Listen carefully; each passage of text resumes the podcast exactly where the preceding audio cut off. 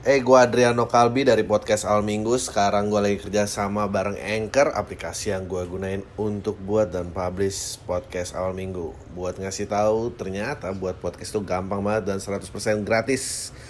Semua yang kita perluin untuk buat podcast juga ada di Anchor, termasuk distribusi ke Spotify dan platform podcast lainnya. Yuk, download aplikasi Anchor dan bikin podcast kamu segera.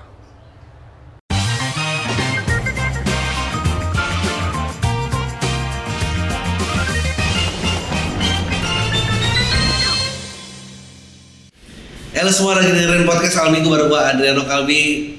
Ah, kenapa gua pakai merah? Karena it start to look like Christmas everybody. Uh, uh, dan gua tuh jadi kepikiran ya. Ini kan udah penghujung tahun dan semua udah banyak yang mention gua tentang rap rap rapnya Spotify dan segala macam. Please, gua gak usah di mention banyak banget. Telepon gua bikin panas. udah lewatin aja. Ya uh, udah mau Natal dan gue jadi kepikiran berarti PAM itu akan masuk dia PAM tuh kalau nggak salah mulai Agustus. Shit Agustus kalau nggak salah Agustus 2015 Agustus 2015 dan dia akan masuki tahun ketujuh. Dan PAM tuh mungkin satu-satunya konten yang nggak ada break season ya. Dan kayaknya nggak ada yang menghargai itu juga. Jadi kayaknya mendingan harusnya ada break sih karena break dan tidak break sama-sama aja. Jadi ini kan break. Gue uh, ada season ini season ini. Gue baru baru tadi. Mungkin di ML ada 124 episode. I think it's masih lebih ya. Um, ya. Tapi ya itu what it is lah. Emang pump kayak gitu. Uh, so Merry Christmas buat semua yang merayakan dan Nah, Andri mah kalau agama lain dia mention. Tapi kalau agama sendiri ini kalau ada yang notice itu. Nggak um, perlu kan udah rame ya. Jadi gue demi toleransi. Nah terus covid. Gue rekaman hari ini tanggal 13 dan ini akan R tanggal 20 mestinya tujuh uh, hari rata-rata kasus di Indonesia COVID cuma di 260 berapa dan di, dan hariannya seratusan berapa gitu. Wow gue ya semoga semoga kita menutup tahun dengan menutup apa uh, jumlah covid gitu. Dan, dan dan kita kembali normal. Dan itu mungkin rahmat dari Natal untuk kita itu masih langsung ada kehebohan di mana-mana. Nggak mungkin ini rahmatnya dari Natal. Anyway. Langsung aja gitu. Gue gue seneng banget karena akhir-akhir ini gue lagi makan gitu di restoran bersin dan udah nggak ada yang parno bersin ya bersin aja gitu. Uh, iya. Dulu kan bersin parno banget ya kalau sekarang ya kalau ini nggak mungkin covid. Gue rasa sih. Jawa di Bali gitu ya Jabodetabek itu sih udah hijau ya. Udah herd immunity. Uh, eh gue gue gue ngomongin tentang herd immunity ya. Gue baru ini otak gue lompat-lompatnya kayak gini gue kemarin baca berita katanya si Suri adiknya Black Panther itu yang akan jadi bintang utama di Wakanda Forever katanya dipecat karena e, menolak vaksin saudara-saudara luar biasa. Gue nggak ngerti sih kenapa dia menolak vaksin. E, pasti dia paketannya sama tuh. Kalau menolak vaksin biasanya bumi datar deh dan menurut gue itu gila banget sih. Gue gak, gak habis pikir. Maksudnya ini karir yang akan menentukan sisa hidup lo seperti apa dan lo menolak gara-gara vaksin. Apakah Amerika juga kasus hariannya sudah rendah seperti Indonesia? Tapi kayaknya belum ya karena Amerika lebih ignore daripada kita. Karena kita punya apa Amerika nggak punya? Yaitu Pak Luhut dan ya katanya dia nolak. Gue gak ngerti apakah dia punya kondisi medis Uh, tapi dia nolak aja. Mungkin dia kayak ya kalau my body my choice kali ya. Argumennya dia. It, ah gila sih gue gak kebayang. Katanya mau dicari pemain lain atau gimana gue ngerti. Dan dan that's that's crazy sih. Menurut gue orang ada orang-orang yang masih udahlah vaksin aja gak apa-apa. Emang apa sih yang terjadi? Gak akan ada terjadi apa-apa ntar lu nggak bisa ke mana-mana nggak bisa ke mall tidak bisa install peduli lindungi nah oke okay. mari ke berita pertama katanya eh, pemkot respon video pasangan berciuman di Taman Jati Asih ya Yo. ini pemkot uh, memberikan reaction ya mereka gimana sih pertanyaan gue adalah video reactionnya mereka gimana? Apakah mereka nonton laptop dan ada split screennya sambil nonton kayak orang-orang uh, kalau di konten-konten gitu watching Wizard for the first time atau hearing Linkin Park for the first time, hearing Blink ya ada itu. Pemkot mesti bikin berita kayak gitu. di sini bikin eksekusi kayak gitu ya. Jadi orang pakai seragam dinas terus nggak oh, ngapain nih malam-malam? Wah ada yang cium anjing kasihan banget ini tuh gue tuh lu punya joke ya. Gue percaya orang yang pernah make out di publik itu tuh ada spot buat make out gitu itu pasti spot langganannya dia gitu. Mestinya perempuan tuh nanya kalau diajak make out di sebuah tempat lu harus tanya kamu udah bawa siapa aja ke sini? Gitu. Kok kamu tahu di sini aman? Gitu. Coba tanya tanya semua orang. Pasti langsung ya yang gue selalu tuh hal, hal seperti ini adalah proses scouting ya jadi kayak di arah pulang kantor terus mikir kayak anjing di mana ya? Kalau hotel mahal yang gratis di mana yang modalnya cuma autan doang lah soalnya banyak nyamuk gak enak kan kalau sambil ciuman tepuk-tepuk nyamuk. Dia, harus sisir. Kayaknya ini dia deh lagi di sini. Nah, kalau di taman tuh kan kayak jejer-jejer gitu kan. Ya semua orang lama-lama mulai kenal motor sebelah bang kemarin nggak ada bang. Ceweknya bukan yang gini kemarin dan diem aja lu sama-sama tahu aja. Uh, dan viral ya diunggah di akun media sosial menjadi viral ya ampun. Agar peristiwa serupa tidak terjadi Pemkot Bekasi mengambil langkah berkoordinasi dengan tiga pilar kelurahan. 15 kelurahan Satuan Polisi Pamung Praja Satpol PP katanya tiga, mana sih tiga pilar? Tiga pilar. Oh, kelurahan 15 kelurahan ada uh, meningkatkan monitoring dan pengawasan terhadap warga masyarakat dalam hal pembatasan waktu berkunjung di taman Jati Asih. Berkoordinasi dengan lingkungan uh, ketua RT RW untuk meningkatkan sistem keamanan. Men, gue kasih tau aja ya. Uh, ini tuh usaha yang sia-sia karena uh, di mana ada nafsu di situ ada jalan. Jadi apa pun peraturannya, lu jangan kan sekarang waktu covid juga orang ciuman masih ciuman aja semua. Nggak ada yang peduli gitu nggak ada yang ya besok terjangkit terjangkit. Uh, gue nggak kebayang kalau video make out gitu di tempat umum jadi viral. Dulu tuh gak ada zaman gue aja zaman gue zaman gue sih gak ada. Gue ingat dulu. Gue sih nggak pernah tapi temen gue kan pernah tuh kayak punya tempat parkir langganan di mall yang sepi gitu ya. Dan itu uh, ya udah pernah ada yang digedor satpam. Digedor satpam ya apa ya refleks. Ya ampun. Memang memang berawal dari situ dulu. Nanti uh, udah punya gaji mulai cekin cekin oke. Okay. Anies ingatkan warga 2.2 poin Jakarta hindari sikap ableism. Apa sih ableism? Uh, Pemprov DKI Jakarta bersama PT MRT Jakarta meluncurkan layanan digital ramah penyandang disabilitas. Oh, oke. Okay. Oh, ableism. Hindari sikap ableism. Ableism yang ableism itu seperti pemaksaan Risma kepada orang tunarungu dipaksa berbicara. Jadi apa-apa harus dianggap mampu. Yang gua akan ya dan gue akan yakin ableism ini akan dipakai oleh orang-orang pemalas di masa depan. Ya bukan berarti lu bisa gue harus bisa dong gitu dan, dan, dan itu akan disalahgunakan. Seperti dengan istilah-istilah yang lain. Introvert dan segala macam. Uh, Rama ini oke. Okay. Gubernur Provinsi DKI Jakarta ada sebenarnya Rama fasilitas merupakan komitmen Pemprov DKI untuk menghadirkan kesetaraan bagi seluruh warga termasuk memfasilitasi masyarakat penyandang disabilitas. Ya iyalah, mesti emang gitu dari dulu. Uh, memiliki treatment yang berbeda-beda, betul.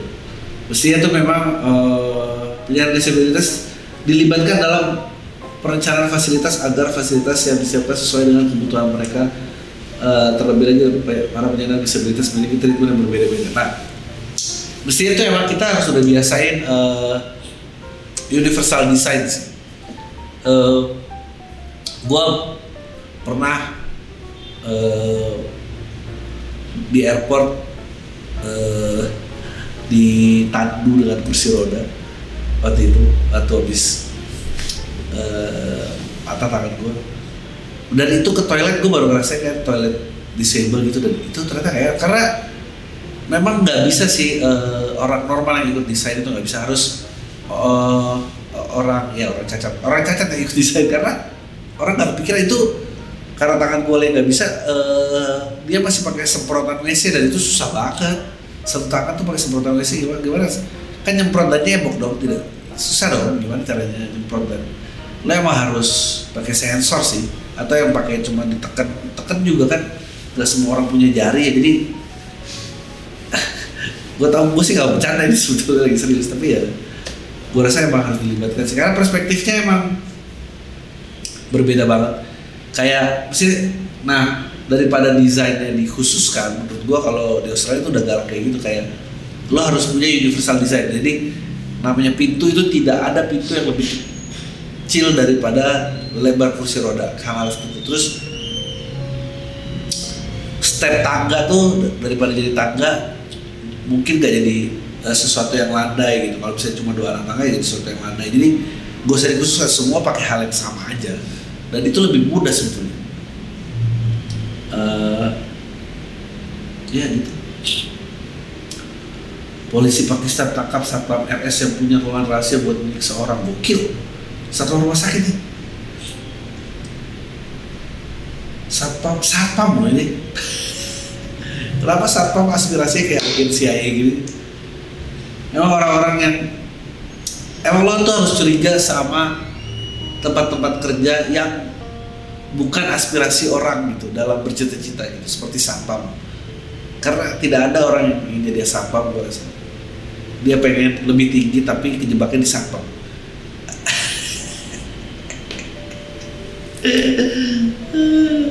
dia ada cita-cita jadi satpam Om Grio jadi apa? Nak satpam ya lebih tinggi dong. Satpam lu ada iklan exhaust box banget gitu uh, nanti anak kita jadi apa? Kasir. Ah yang lebih tinggi dong. Kasir. Aja nada ya di kayak suaminya kayak ah, ah, ah, kehilangan suara. Makan permen exhaust salah satu kalau nggak salah ya orangnya cukup well known namanya Handoko. Dia juga yang uh, dia bikin teh botol susu. Apa pun makanan yang minumnya teh botol susu? Uh, itu karya-karya beliau. Nggak bisa bilang karya sih itu pekerjaan beliau. Um, sekarang beliau aktif filosofi kopi yang bikin post blog m blog. Uh, berusaha tidak memakai tempat parkir dalam lo harus naik dalam Satpam rutin merekam aksi yang menyiksa orang. Wah menggunakan ponsel. Gokil. Berapa video penyiksa tersebar di internet buat gagal netizen? Bersama interogasi awal sadari mengaku isep saja berkala untuk kena kenangan gokil. Nggak bukan ini ya bukan bukan apa namanya? Seksual tapi menyiksa orang yang gokil luar hasil. Uh, oh coba deh ilmuwan Jepang berhasil membuat robot alter ego buat orang antisosial ya mungkin ilmuwan ini menyadari betapa besarnya market introvert. Jadi dia dia menciptakan robot alter ego. Buat apa coba? Uh, para pengguna robot berbuat bermata hijau setinggi 9 inci itu diharapkan dapat mengatasi masalah penarikan diri dari lingkungan yang akut di negara tersebut. Bernama Oriho robotnya dikembangkan untuk membantu orang-orang mengalami kesulitan dalam berinteraksi sosial. Pengguna dapat mengoperasikan robot melalui aplikasi yang telah diinstal di gawai. Gawai itu apa? Perangkat. Mungkinkah mereka untuk berkomunikasi dengan orang lain tanpa harus keluar rumah? Ya ampun dia makin introvert dong orang gimana ini tidak tidak menyelesaikan masalah. Ini hanya membuat masalah lebih parah daripada sebelumnya. Dan ntar akan ada orang introvert yang idealis ya. Introvert ya introvert aja gak usah pakai robot. Uh, Pekan lalu pemerintah kota Kobe mulai Desember mereka meminjamkan Oricom pada orang Hikikomori. Orang-orang butuh diri dari dunia luar. Gue tuh sebetulnya di Indonesia juga ada deh orang-orang. Hiki hikikomori ini ada. Uh, yang kita sebut dengan beban hidup keluarga. Yang gak mau keluar yang kerja gak mau sekolah gak mau ya udah maunya bangun siang aja. Uh, eh, gue sejujurnya gak paham sih sama orang-orang kayak gini. Gue kenal banyak orang yang punya gangguan jiwa tapi tekadnya besar masih bisa kembali ke society dan berfungsi normal. Gue kenal orang-orang punya keterbatasan fisik. Saking keinginan besar bisa berkecimpung di kehidupan sosial dengan normal. Uh, banyak kan? Ada orang-orang tiba-tiba memilih untuk menarik diri dari kehidupan sosial gitu. Dan gue nggak tahu ya. Menurut gue sih ya selama dia bisa hidup ya biar biar hidup bayar pajak dan segala macam. Tapi kalau nyusahin orang tua itu aduh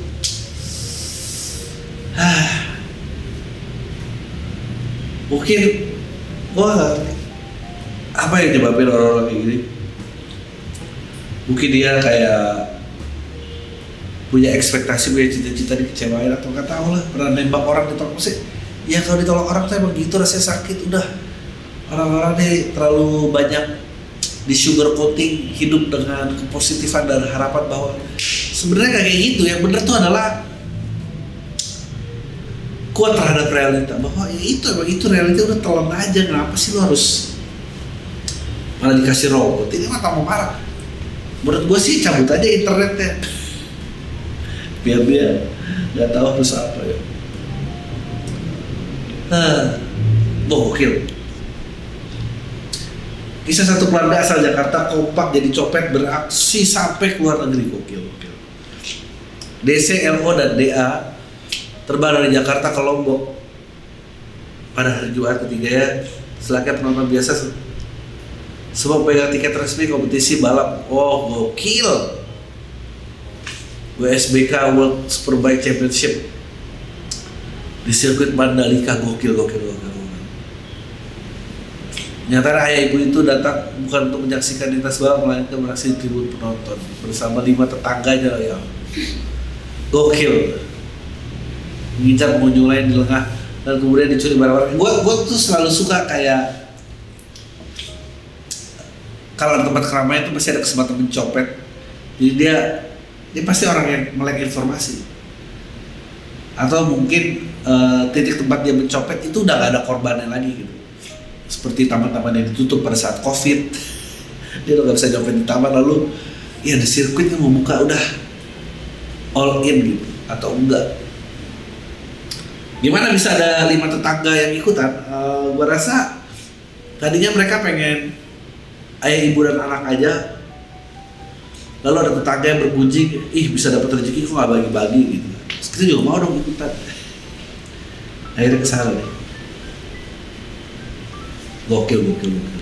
Dan dia tahu gitu yang nonton balapan tuh orang-orang kaya jadi emang bener nyopet tuh di situ. Nyopet adalah di tempat orang-orang kaya jangan di pasar kaget kalau di pasar kaget ya dicopet ya, ya segitu-segitu aja tapi kalau nonton balapan nah ya. gokil 73 tahun pinjam buku perpustakaan pria ini didenda 54 juta ya. Kenapa lo balikin? Padahal kalau dia tunggu lima tahun lagi juga mungkin perpustakaannya udah diruntuhin sama Pemkot ya untuk menjadikan tempat lain gitu. Ayo dibalikin. 6 November 1948 ini mungkin staff yang pinjemin juga udah dipecat tau gara-gara ngilangin buku ini satu Durfel Kedis Library terkejut menerima paket berisi buku itu minggu lalu. Uh, gue pengen lihat beritanya.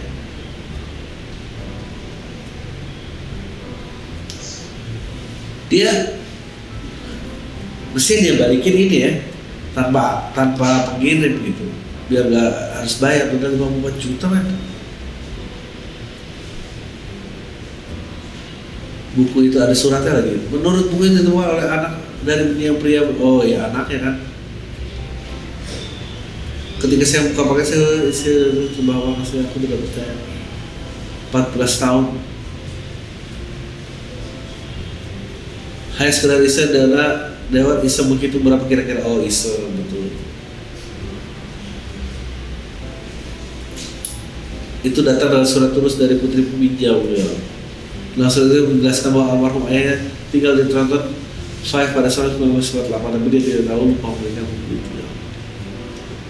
Gokil, gokil, gokil, gokil. Ini dokter di Austria kena denda akibat salah amputasi kaki pasien. Ini gila banget sih. Itu. Haknya 44 juta.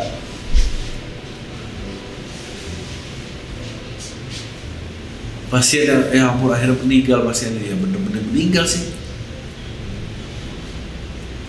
Dia memotong amputasi kaki kiri malah memotong bagian kanan ini dipotong di mana? Itu yang disilangin. Ini disilangin bukan tanda jangan dipotong. Oh ya bener juga. Balik karena jepret istri dapat kompensasi 81 juta. Ya ampun. Tapi gue juga takut sih kalau jadi dokter salah kayak gini.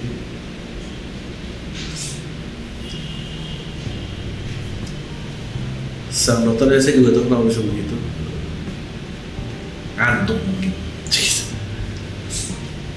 uh, menandai kaki akan dipotong ya benar sih gue kemarin juga waktu dioperasi ya uh, kanan ya kanan. Yakin semua kanan? Kanan pak. Bener pak. Kanan. Anjing. Terus gue kayak kok nanya kayak gini sih dok? Ya emang harus kayak gitu. Tahu ada tahu yang salah potong.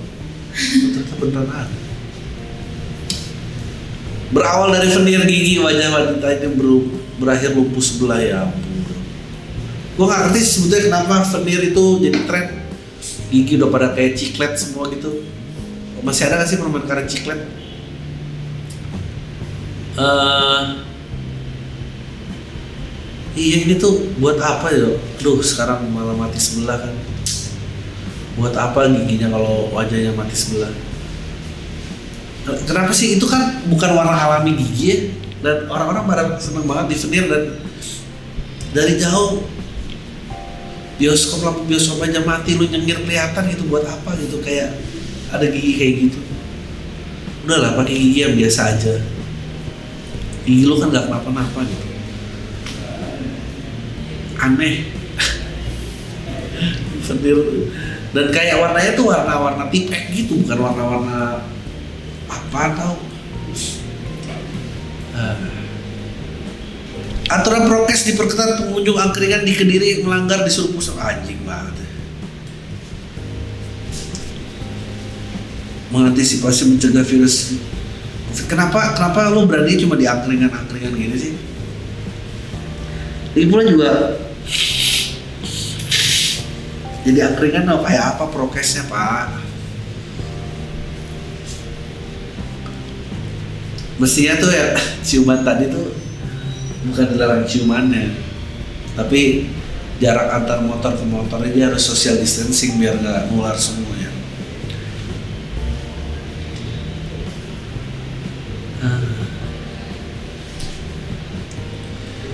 Oh, ini, viral koruptor dikubur dengan gepokan uang dolar agar bisa suap Tuhan. Seorang pria di Uganda meninggalkan wasiat aneh pada istri agar dia dikubur dengan uang gepokan 5 50 5 ribu US dollar untuk menyuap Tuhan.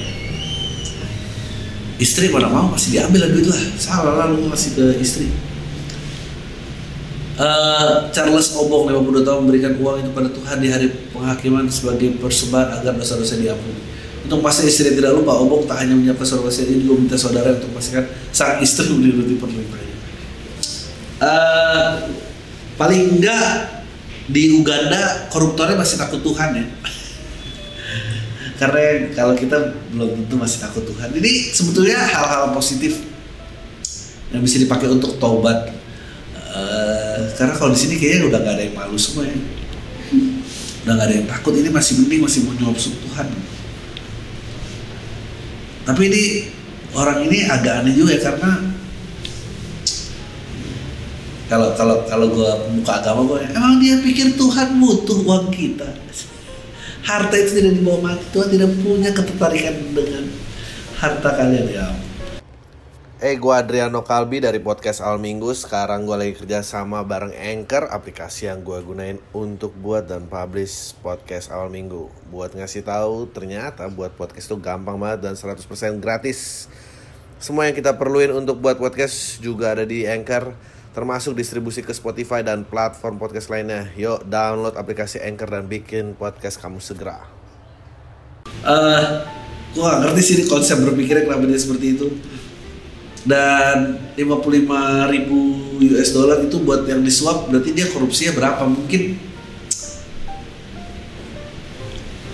mungkin dia tuh sebetulnya orang jujur orang jujur yang uh, kalah social pressure-nya dengan teman-teman pemerintahan waktu itu. Ah lo mah gak asik gak ikut korupsi jadi gak diajak main makan siang sendirian. Lalu dia lemah keyakinannya. Dan akhirnya dia korupsi. Dan dia terbayang-bayang hingga mati. Uh, gue sih pernah ya waktu pertama kali nyolong gue pernah nyolong. Dan itu kayak aja tiga hari itu gue kayak merasa bersalah ya kalau orang ini tahu gue colong tuh gimana rasanya? Nyolongnya nyolong gak penting sih nyolongnya nyolong stiker mobil. Ada tempelan di stiker mobil dulu katanya kalau dijual. Bisa bisa laku 500 ribu. Pada saat itu dolar Amerika cuma 2.400 lo bayangin 500 ribu kayak apa?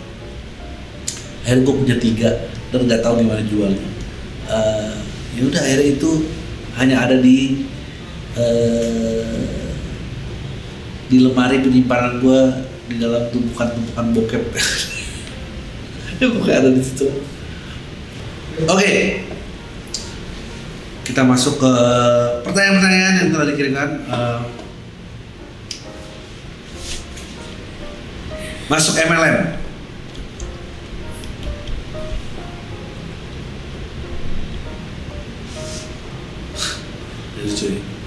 nah bang aku laki-laki anak SMA kelas 11 ya ngapain sih?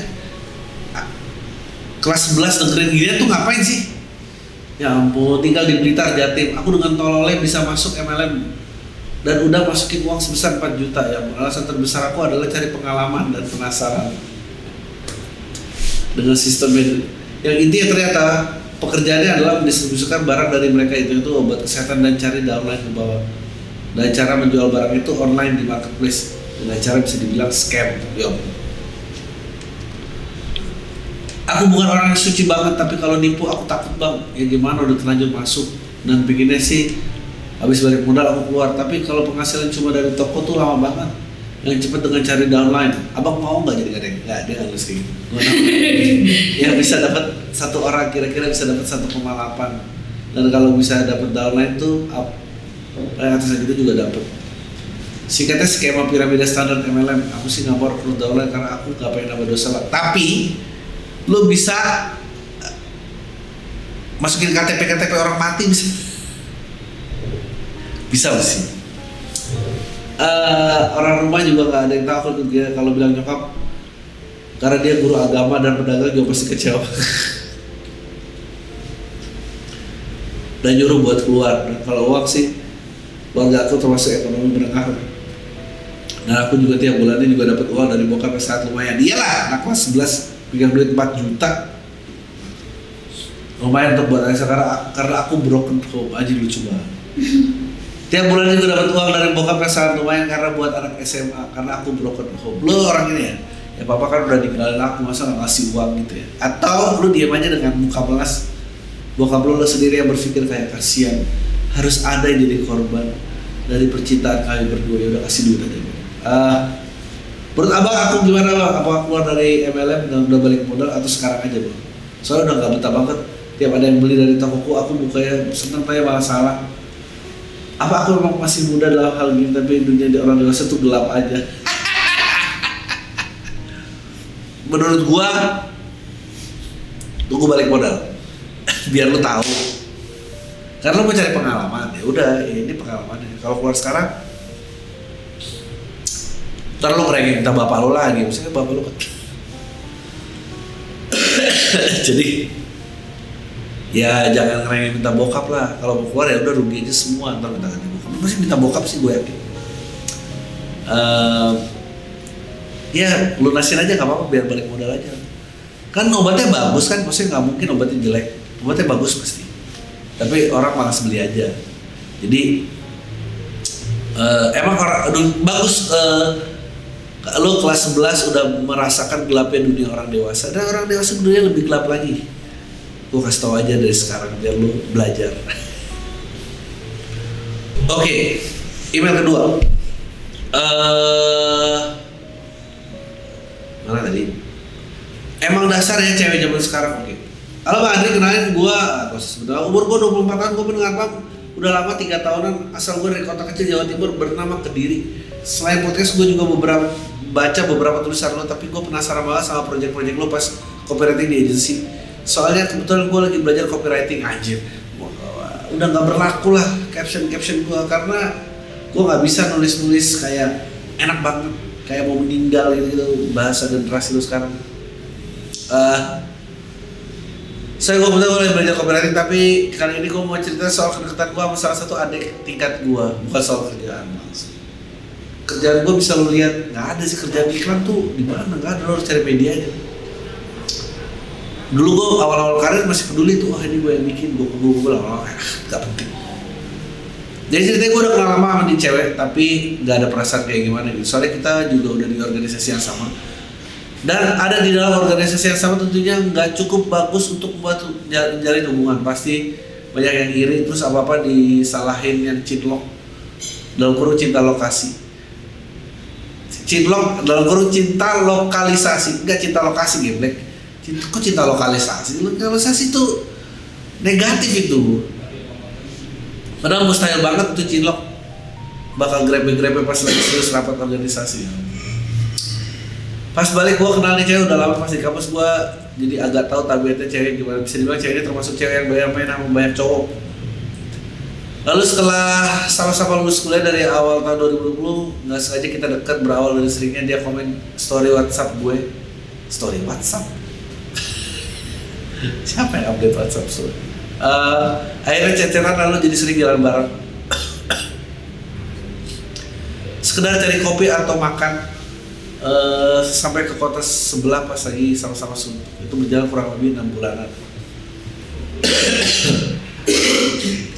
selama deket gue gak berusaha menjual set story buat dapat atensi lebih dari dia anjing. Meskipun gue agak tahu tabiat dia dulu kayak gimana. Tapi gue coba cari hal-hal yang hal baik yang gak banyak orang tahu dari dia. Gue percaya gak mungkin juga ada orang yang gak punya sifat baik. Makanya gue coba lebih dalam. Eh siapa? Tak siapa tahu. Nah di beberapa intensitas chat dan jalan keluar akhirnya gue tahu beberapa hal baik tentang dia. Wajar lah. Akhirnya gue baper. Maklum enam bulan bukan waktu yang singkat. Eh. Akhirnya gue ungkapin perasaan gue ini kita sebenarnya apaan sih Ci? kenapa gak kita buat komitmen aja daripada gue buang-buang waktu dengan wait in vain sama lo gokil lagu yang Bob Marley nih wait in vain. Lalu jawaban dia ngambang sih menurut gue bang. Cuma bilang belum pengen bikin hubungan padahal selama kita jalan dia bilang kalau nggak punya cowok dan gue satu cowok yang lagi deket sama dia tapi belakang gue tahu dari salah satu seorang teman deketnya kalau dia ternyata selama ini LDRan. Jadi selama ini itu apa bangsa ya dia pengen selingkuh tapi nggak mau dicap sebagai orang selingkuh gitu. Gue antara kesel sama nggak kesel sih bang. Kalau ternyata kenyataan sepahit itu bang. Tapi gue nggak habis pikir kok bisa bisanya deket selama enam bulan dia ternyata kayak wara waralaba franchise ya yang punya banyak cabang dan punya pengelolaan emosi sebagus itu. Tanpa sepengetahuan gue siang karena gue bertanya-tanya sama diri sendiri ini gue yang goblok banget apa dia terlalu expert dalam bidang beginian Rex end of paragraph. End of paragraph. Ini lu nulisnya di awal paragraph end of paragraph tuh nggak pernah ditulis. Maksudnya di akhir cerita gitu ya. Gue coba pelan-pelan jauhin dia bang gue nggak mau deket sama cewek yang udah punya komitmen dengan seseorang. Itu prinsip gue soalnya gue sadar bahwa hubungan itu bermula dari keruwetan pasti akan berakhir dengan keruwetan juga. Kayak hukum karma gitu bang. Makanya gue ah gue terusin. Setelah ngalamin ini gue jadi selektif banget bang. Mau ngeretin cewek itu sih efek buruknya soalnya kayak ngerasa cewek-cewek di lingkar gue tuh ya mayoritas kayaknya gue ceritain di atas. Ada saran nggak? by the way makasih udah mau baca cerita pendek sedikit panjang ini bang. Semoga bang Andri sehat terus dan konsisten. Pokoknya sekali minggu eh, nggak tersaing sama konsistensi podcast om om dan generasi Surabaya meskipun bener banget sih kalau konsistensi itu tidak ada gunanya. Sangat baik bang. Eh, gua rasa sih emang begitu ya yang namanya eh pokoknya bertambah usia. Seperti yang di email pertama sebutkan bahwa dunia orang dewasa itu hanya akan semakin gelap betul. Dan sisanya eh, makin banyak orang-orang yang broken soul broken soul dan kejar-kejar passion yang sampai menyakitkan hati itu akan muncul di tengah-tengah pergaulan kita dan itu butuh kebijakan yang luar biasa hebat agar lu bisa memfilter semuanya. Iya. Titip salam. Kalau Mbak Adri, nama kok disebut? Sebulan aku dengerin podcast Anda terus kecanduan bangke. Bapakku mirip banget sama Bang Andri ngomel mulu ya apalagi pas nonton ILC berasa dirinya paling ngerti segalanya. Bapak udah meninggal Adri, anjing. Kenapa saya disamain sama bapak anda yang udah meninggal dong? Langsung cerita aja Bang Andri Desember ini kontrakanku habis terus aku ditanya atasanku, abang bisa gak bantu kali? Ambil aku itu terus aku ditanya atasanku, mau lanjut gak? Aku bilang mas ditanya. Aku bilang enggak pas ditanya alasannya aku bilang mau pulang kampung aja. Terus dia nanyain lagi beneran gak lanjut? Enggak kataku. Terus salahku aku jadi cerita apa yang aku ra- aku rasain selama setahun di sini tanpa tahu powerku cuma buruh kontrak. Hah? Aku bilang ke atasanku aku gak suka cara dia pemimpin lah. Menurutku terlalu mengintimidasi jadi anak-anak pada takut menyatakan pendapat. Aku pun setahun kerja di sini rasanya stres berat, jadi kurus, rambut rontok dan gak bisa tidur lain-lain. Atasanku agak menuntut semua orang pakai standar yang sama sih. Terus aku bilang dia itu banyak revisi detail yang gak penting. Ini aku juga dapat masukan dari bagian lain. Turnover di timku sangat banget. Orang bagian lain. Juga udah tahu kalau atasan gue paling agak toksik.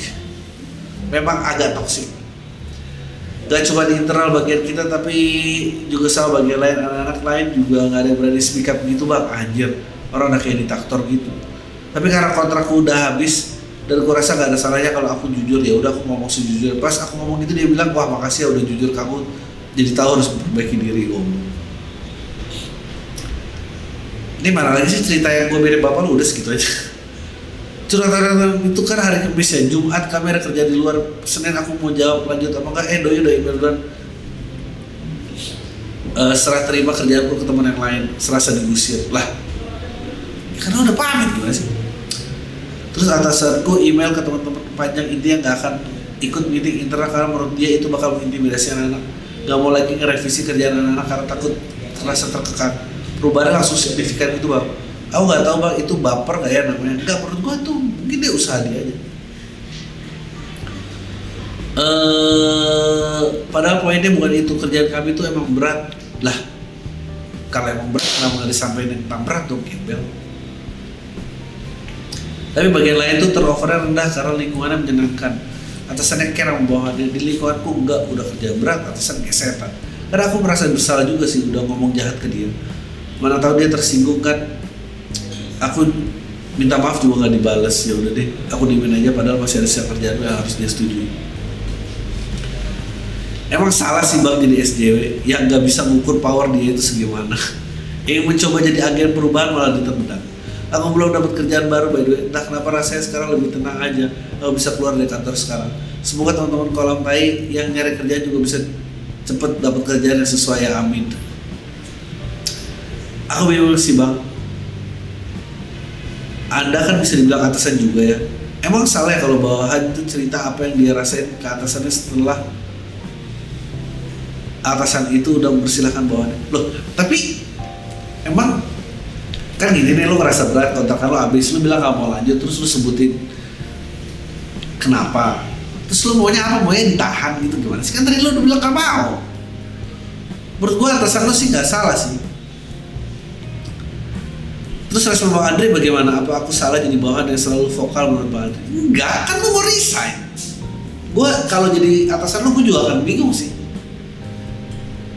kalau lu bahasanya saya pengen lanjut pak tapi saya pengen ada yang disampaikan gitu itu berbeda banget karena lu kan mentalitinya ya udah gua hari terakhir ini gua gua ngomong aja gitu Uh, terus dia mengambil poin-poin apa yang lo ngomongin terus uh, kalau dia mendelegasi pekerjaan lo ke, ke orang lain di hari-hari akhir lo masa salah atasannya ya? Menurut gue ya lu tuh speak up tapi lu ngerasa bersalah sendiri sama ucapan lu yang mestinya lu nggak harus bersalah ngerasa bersalah. Gue nggak tahu uh, apa dari rumah lu nggak diajarin speak up. Jadi kalau speak up tidak rasa bersalah. Uh, menurut gue lu pada porsinya banget. Tapi uh, sekarang ini dia mau ngikutin permainan lu lu juga harus mau dong. Kalau lu mau lanjut ya lu harus bisa bilang ke dia bahwa pak saya uh, mau balik deh. Kalau misalnya dia minta maaf gak dibalas juga ya lu berharap apa? Sama iya saya juga salah sama-sama ya minta maaf juga. Masa gitu kan dia bukan pacar lo aja kalau dia pacar lo baru nggak apa-apa gitu gimana sih buat selanjutnya kalau aku pengen sampai mendapat lagi kata sen gimana ya mau biar bisa diterima? Lah ini diterima kok sama atasan lu? Atasan lu baik banget malah terima bilang makasih langsung ada perubahan yang signifikan. Eh perubahan signifikan lu bilang baper jadi susah juga. Ini kantor kedua aku kantor pertama aku bos dan orangnya bener terbuka gitu bang. Mungkin aku kebawa biasa kantor lama kaget sama budaya kantor baru. Yang lebih rigid makasih bang. Set selalu semuanya ah. ya gue rasa lo hanya bingung aja sih gue rasa atasan lu baik sih. Kalau lu mau balik ya bilang aja. Tapi kan nggak mungkin. Gue juga bukan atasan yang suka mau nahan orang mau resign. Menurut gue biarlah orang jalan dengan pilihan-pilihan gitu. Tapi kalau misal lu udah mengungkapkan pendapat terus gue harus bertugas mengademkan rasa bersalah lu aduh gila. Kok atasan lo kali buat bapak lo ya gitulah. Oh, nyawa selamat berkat video ML gue pasti gak berharga-harga amat juga nyawanya. Anda pasti bukan profesor sedang mengembangkan vaksin demi virus apa enggak bukan.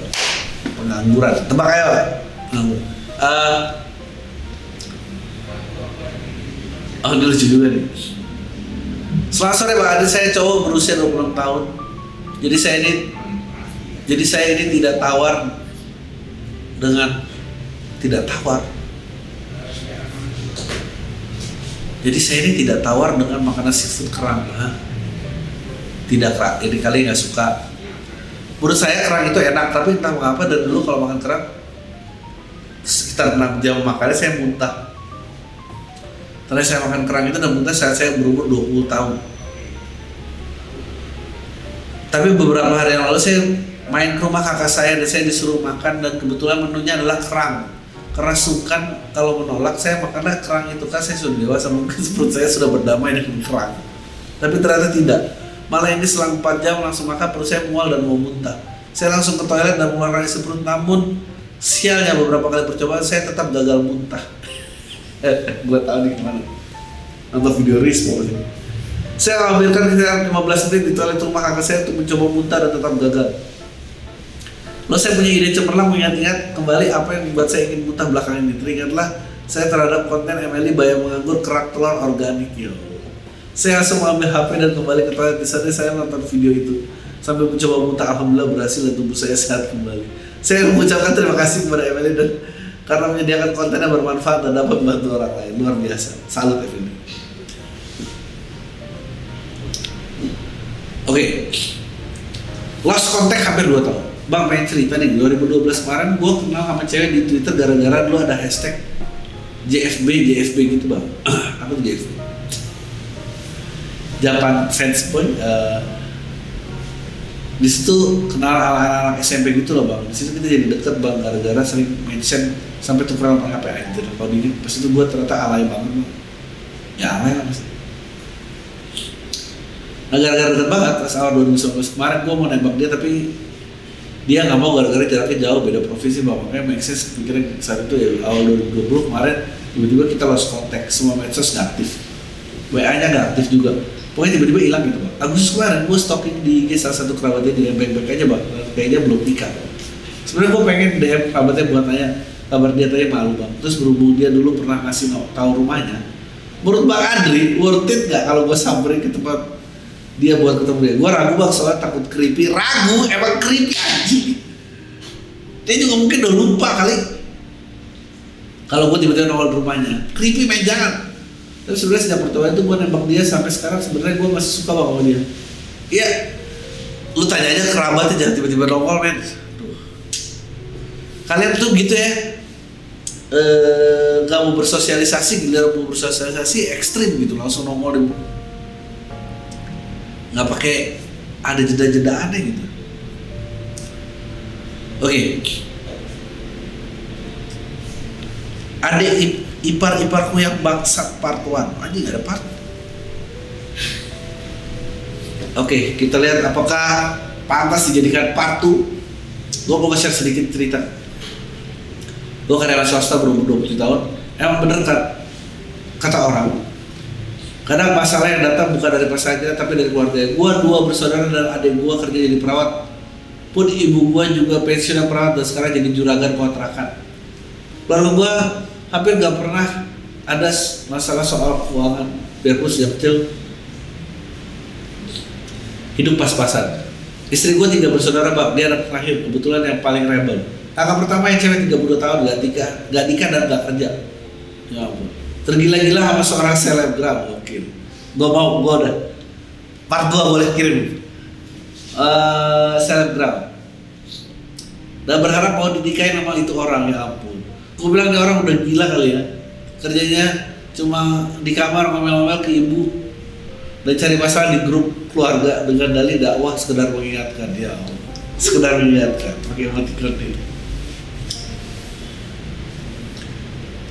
Eh, tapi ibunya juga nggak tegas dan dibiarin aja anaknya kayak gitu. Kakak keduanya cowok seumuran gua udah ngambilin anak orang dua kali gokil. Dan yang kedua ini dinikahin sama dia. Dan yang biayain nikahan dan menutup aibnya siapa? Ya ibunya. Gua kira lu lupa kenapa lu pakai preambul gini? Ibunya minta ke siapa? Ke istri gua. Nah oh, oke.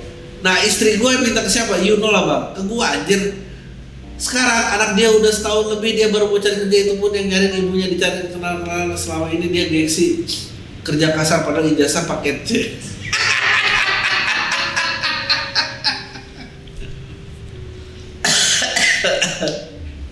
Lucu banget. Gua nggak tahu ijazah paket C apa sebetulnya. Tapi kayaknya lucu aja pasti itu bukan ijazah yang penting-penting amat.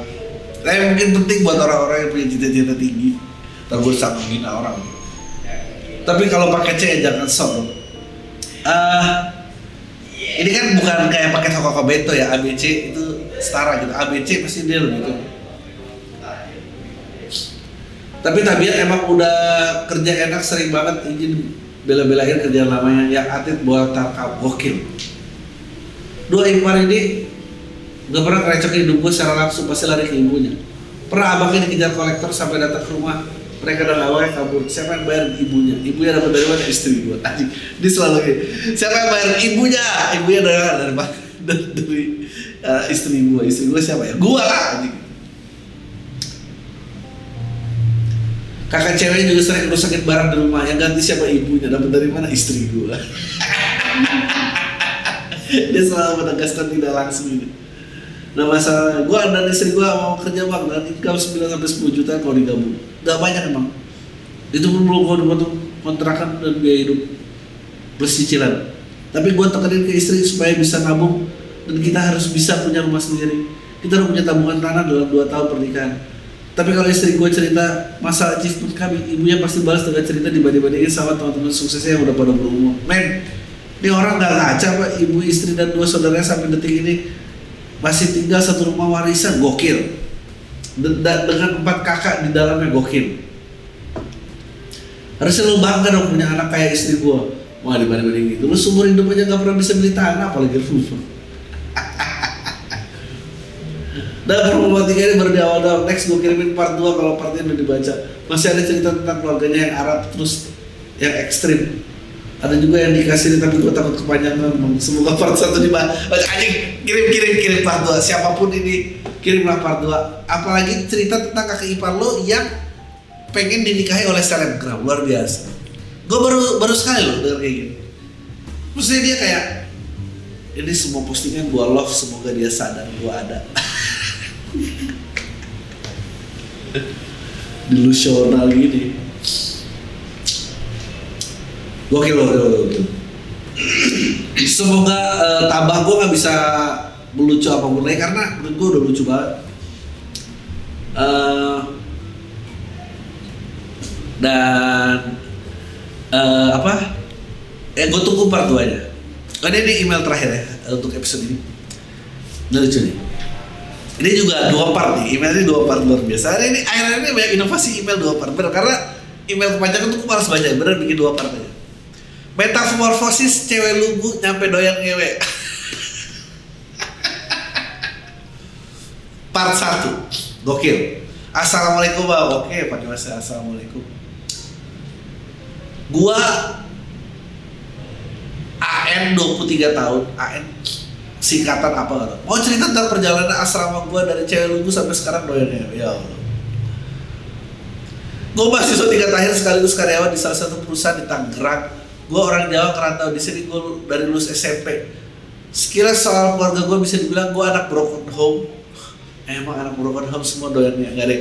Uh, ortu gue cerai dari gue baik gue ikut mama. Mama nikah sama suami baru sampai pas gue saat gue kelas 3 SMP SMP saat gue kelas SMP kelas 3 lulus SMA alhamdulillah gue bisa bilang kerja jadi gue bisa ngekos mencukupi segala kebutuhan gue sampai biaya kuliah gue sendiri tanpa mengerepotin mereka semua baik-baik aja. Gue termasuk cewek lumbu bang sampai semester 6 ketemu satu aplikasi dating yang murahkan gue sama cowok asal Bali. Singkat cerita gue pacaran sama doi udah 2 tahun. Gue udah ke Bali tiga kali tanpa sepengetahuan keluarga gue gokil. Selama sama keluarga gue selama pandemi gokil. Gue ciuman pegang tangan sampai kayak semua pertama kali gue lakuin sama cowok itu bang gokil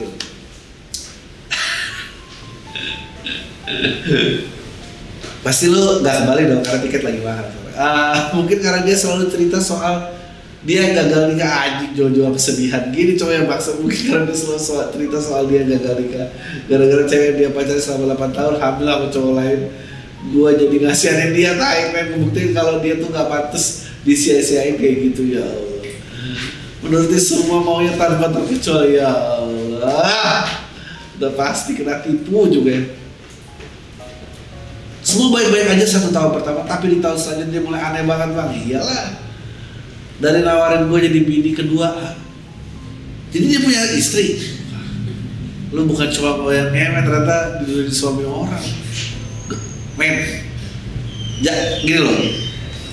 Jangan tuh hidup tuh ada level-levelnya. Jangan satu permainan lu sikat semua taktiknya gitu. Jangan men. Satu permainan tuh sampai sini aja ntar beda permainan baru lanjut lagi. Jangan satu orang tuh A sampai Z deh. ya ampun gak bisa lepas lu menurut rasa. Edannya gue mengiyakan ini semua karena gue mikir ya ampun. Emang ada apa? Emang ada apa yang mau sama gue setelah semua ini? Ya ada lah. Biasa aja.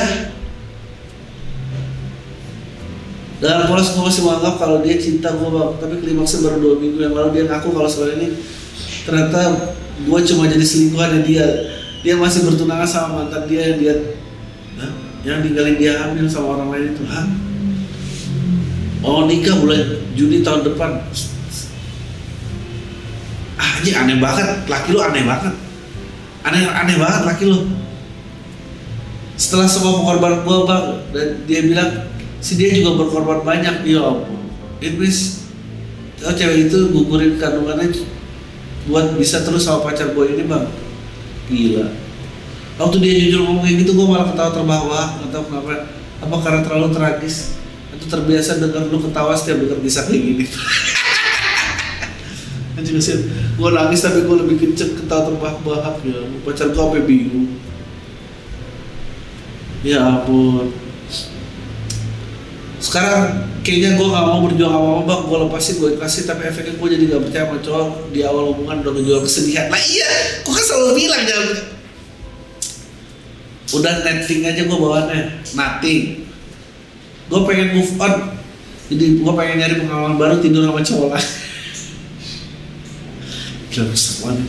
Ya lu tidur sama cowok lain lu bilang gini waktu itu aku pernah diajak jadi istri kedua orang padahal dia diselingkuhin sama pasangannya sama orang lain. Pacaran tapi hamil ternyata masih ujungnya gue kira semua pengorbanan buat dia. Ternyata pacarnya pacar gue kegugurin kandungannya biar dia bisa bareng dan ternyata gue selingkuhan di hubungan itu. Gokil. Gue pengen move on dari nyari pengalaman dulu sama cowok lain. Mungkin akan membantu. Terus tiba-tiba gue ketemu teman teman kantor gue bang dulu di tim gue dulu bang di Tinder. Oh gokil. Ini langsung lanjut nih. Oke oke tapi di cowok di awal aja polanya udah sama ngejual kesedihan. Bla bla bla PDKT terus minggu ini sering dia jalan. Anjing tai banget ini. Ini cewek emailnya vulgar banget. Terus sering diajak jalan udah lihat titiknya juga.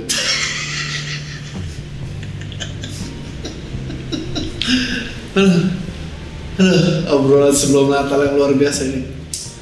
Eh semalam dia bilang kalau dia udah deket sama cewek lain, gue jadi disuruh nyari yang lain. Mungkin karena gue udah gak virgin kali. ya? Enggak, enggak, enggak, enggak. Menurut gue karena lu pakai aplikasi. Ah, lucu banget. Si anjing belum buat tidur aja udah kayak mudahan gitu. Punyanya kecilnya belagu banget. Ini lucu banget ini. Mana belum booking hotel lagi masih kayak main-main di mobil doang.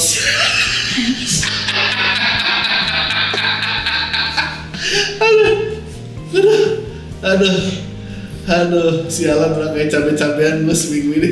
Mungkin Rice bakal gue ceritain email lain nggak? Udah, udah, kirim, kirim yang kedua, please. Aduh. Menurut gue aplikasi dating tuh mestinya harus bisa kasih testimoni yang bisa eh, dilihat oleh user lain tapi nggak sama orang itu sendiri. Jadi misalnya gue pakai gue pergi sama orang orang itu bisa kasih testimoni yang bisa dilihat orang lain tapi gue nggak bisa lihat. Lu tulis tuh anjing udah kecil aja. Masih main di mobil aja belagu. Ini lucu banget ini Eh, pesan untuk barang gue mau sama jangan dulu soal konsistensi bikin podcast. Kisah gue ternyata sering banget sama jok lu. Gue selalu ketawa tiap dengerin podcast lu. Walaupun lu banyak maki-maki tapi itu lebih ampuh buat motivasi biar gue bisa berdamai diri gue daripada gue dengerin psikiater atau psikolog di luar sana malah bikin gue bingung. Hashtag Bismillah kerja di ML aduh jangan. Jangan jangan. Lo kalau letar jangan, jangan. Terjadi korbannya siapa lagi? Aduh. Gue gak bayangin kalau gue ketemu di podcast yang bisa ngajarin gue masalah eh, tertawakan masalah gue kesedihan gue mungkin gue bakal depresi berat karena selalu ngerasa sendiri. Keluarga gue jauh di kampung bang. Di sini buat kalian semua yang lagi dengerin podcast ini tolong jangan nyerah sama masalah kalian. Kalian kuat kalian hebat udah itu aja bang. Bang makasih udah dibacain sama mau kasih pesan dukungan ke gue dong bang waki-waki gue bang anjing.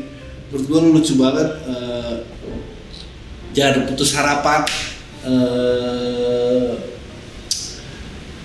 percayalah sering tidur sana sini itu tidak mengubah masalah apa pun yang ada lu makin sering dimanfaatin orang. Eh, sekali-sekali cobalah make gitu jangan cuma dipakai gitu aja. Itu aja. Eh, baik lu semua Merry Christmas. Dah